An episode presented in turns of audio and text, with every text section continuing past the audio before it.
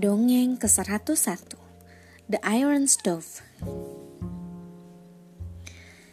In the days when wishing was still of some use, a king's son was enchanted by an old witch and shut up in an iron stove in a forest. Many years went by and no one came along to break the spell to set him free. Then at long last, a princess came wandering by. She was most alarmed to hear a voice crying from inside the stove. Help! Please help me! it said. Bravely, she went closer.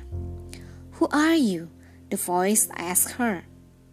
I am a princess, the young woman explained but I have got lost in this forest and I can't find my way back home.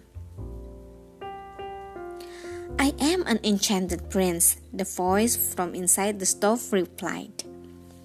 I will tell you how to get home if you promise to do what I ask to break the spell and set me free. Of course I will, promised the princess.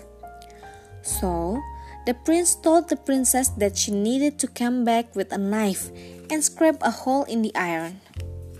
Then he gave her directions to get back to her kingdom, and she ran off through the trees.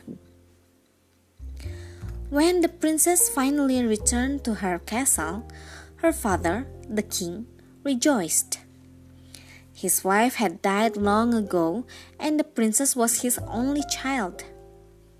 He had thought he lost her as well.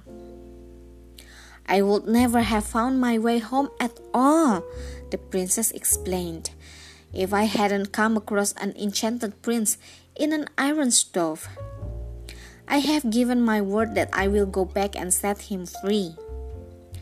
The king was very fearful that something else might happen to his dear daughter if she returned to the wood. But the princess insisted. I must keep my word, she said. And she put a knife into her pocket and set off into the forest. When she found the iron stove once more, she began scraping, and straightway a tiny hole appeared. After two hours, she had made a gap so big she could peep in inside and found herself looking at very handsome young man. She scraped faster, and finally, the hole was so large that the prince was at last able to climb out. I thank you with all my heart, he said, falling to his knees and asking the princess to marry him. She was delighted and said yes. But before traveling with him to live in his kingdom, she asked if she could be allowed to go and say goodbye to her father. Very well, agreed the prince. But be warned, you must not speak more than three words.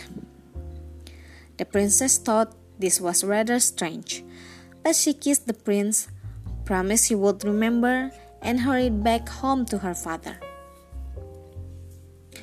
Of course, she forgot her promise.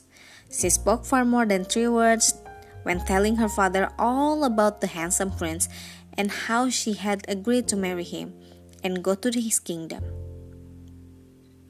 As she talked, a magic wind blew through the forest and wiped every memory of her from her beloved prince's head.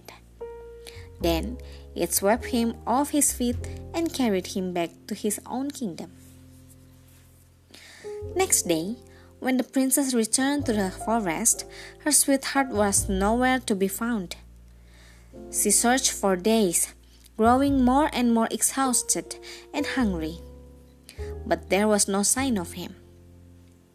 Finally, the princess stumbled across a little cottage, overgrown with grass and moss. She peeped inside a window and saw several toads sitting at the table eating a fine dinner. She knocked at the door, and the smallest toad opened it and invited her to sit and eat with them. the princess told the kind creatures everything that happened, and to her delight, the biggest toad said they could help her. Then they presented her with a nut, which they taught her to take great care of and open when she needed help, and took her to the path through the forest which led to the prince's castle.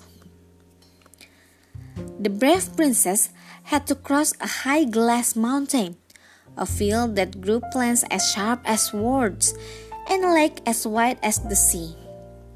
But finally, she reached her sweetheart's castle. However, by now her clothes were ragged and tattered, and she looked quite unlike the princess she really was.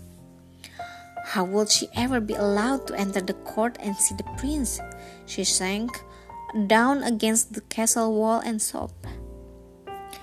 Suddenly, the princess felt something small and hard in her pocket and pulled out the nut. She cracked it with her teeth and opened it. And inside was the most beautiful dress edged in fine lace and pearls. Overjoyed, the princess put it on, and of course, it fit perfectly. And knocked at the castle door. When the servants saw how fine she looked, they welcomed her at once. As soon as the prince laid his eyes on her, he remembered her and leaped up and kissed her. From that day on, the two were never parted. They even sent for Princess' father, the old king, so he, he would not have to live on his own. And together they all lived happily for many years. Sekian, terima kasih telah mendengarkan. Selamat malam.